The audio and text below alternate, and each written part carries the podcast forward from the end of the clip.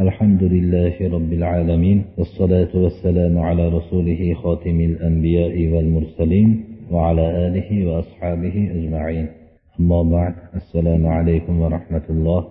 بسم الله الرحمن الرحيم. وعن معاذ رضي الله عنه قال بعثني رسول الله صلى الله عليه وسلم إلى اليمن فقال إنك تأتي قوما من أهل الكتاب فادعهم إلى شهادة أن لا إله إلا الله وأني رسول الله.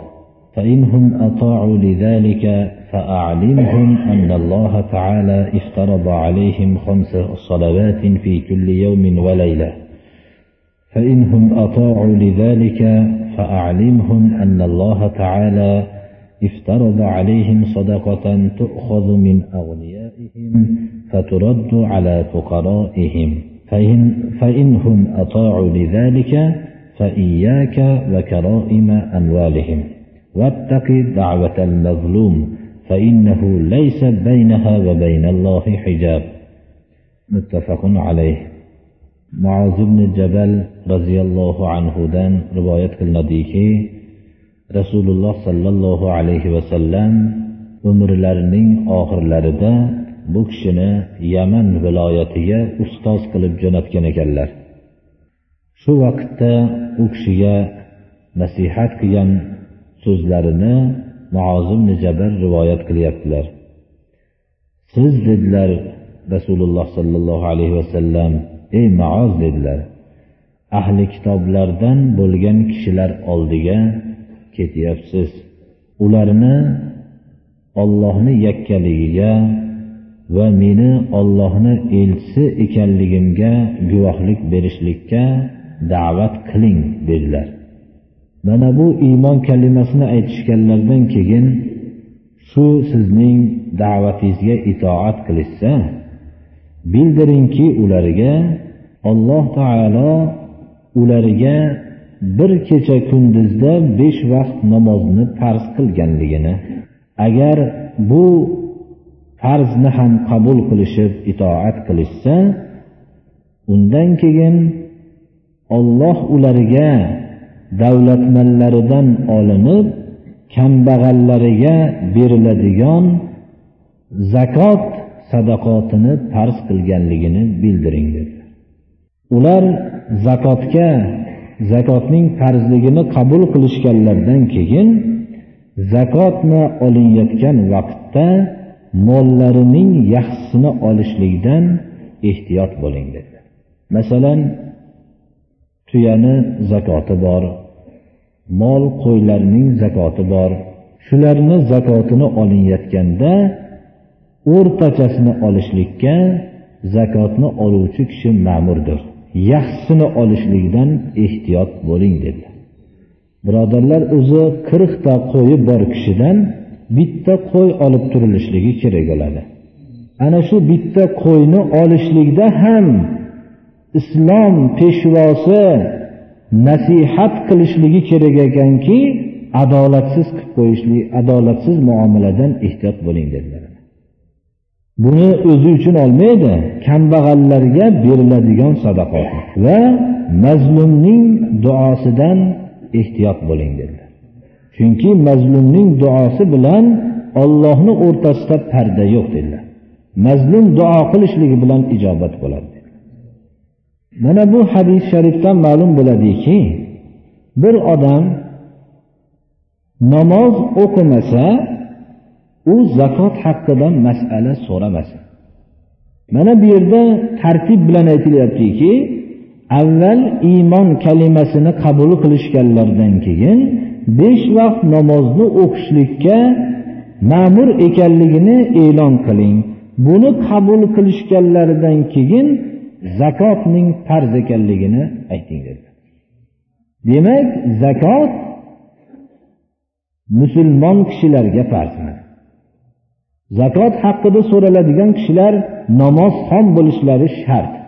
Bo'lmasam u zakotni qabuliyatini e'tibori yo'q. Shunday bilishimiz bu hadisimizni quvvatlovchi bu so'zimizni mana hozir bu keyingi jobir roziyallohu anhudan rivoyat qilingan hadis quvvatlaydi jobir roziyallohu anhudan rivoyat qilinadiki bismillahi rohmanir rohim bu kishi aytadilar sami'tu rasululloh sollallohu alayhi vasallam يقول إن بين الرجل وبين الشرك والكفر ترك الصلاة رواه مسلم إمام مسلم رواية كان ekanlar bir kishi bilan shirk kufr o'rtasida namozni tark qilishlik bor xolos. Namozni tark qilsa bu kishi ya'ni musulmonlik safida emas deyilyapti shirk kufr bu tarafda tursa bir kishi bu yoqda tursa musulmon bo'lsa ya'ni namozxon bo'lsa shirk bilan kufr tarafdan emas ekan.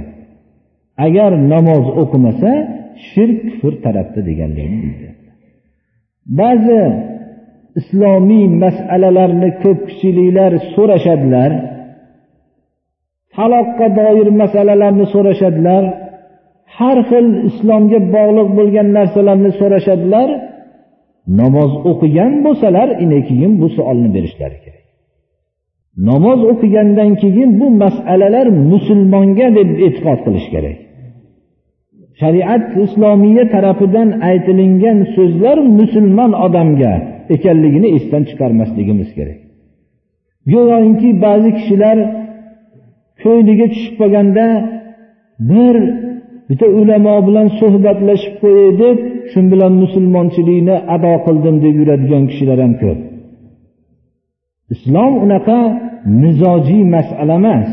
Xohlaganda bir islomni bir suhbat eshitib qo'yib shu bilan yuraveradigan islom hayot. Islom hayotning har bir daqiqasida ollohni hukmiga muvofiq yashashlikni mulohaza qilib yashash. Va shuni o'rtasida olloh tarafidan farz qilingan amallarni tark qilmasdan bajarishlik. Mana bu narsani biz islom deb tushunishimiz kerak. Burayda roziyallohu anhu rivoyat qiladilarki nabiy sollallohu alayhi vasallamdan payg'ambarimiz sollallohu alayhi vasallam aytdilarki bismillahi rohmanir rohim al ahdullazi baynana va baynahum as-solah.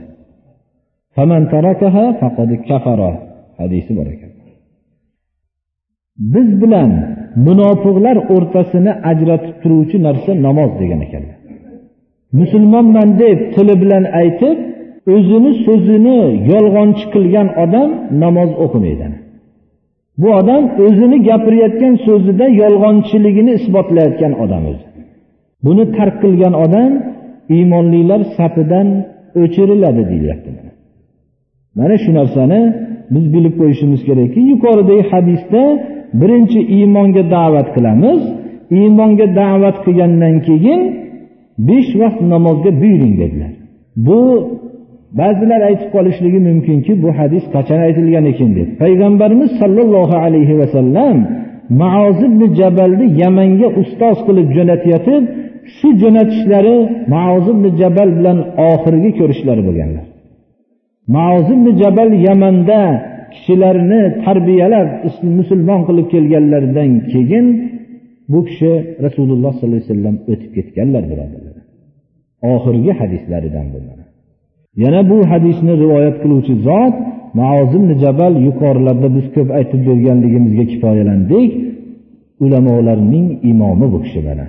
Eng peshvolari ulamolarning qiyomat kunidagi hamma olimlarning oldida keladigan zot mana. Payg'ambarimiz sollallohu alayhi vasallamning shahodatlari bilan. Mana biz shu narsani o'zimiz oilamiz farzandlarimiz atrofimiz hammasiga hayotimizga tadbiq qilishimiz kerak bu narsani. Alloh taolo hammamizni shu hadislarga amal qilishlikka alloh taolo tavfiq bersin. Allohu akbar.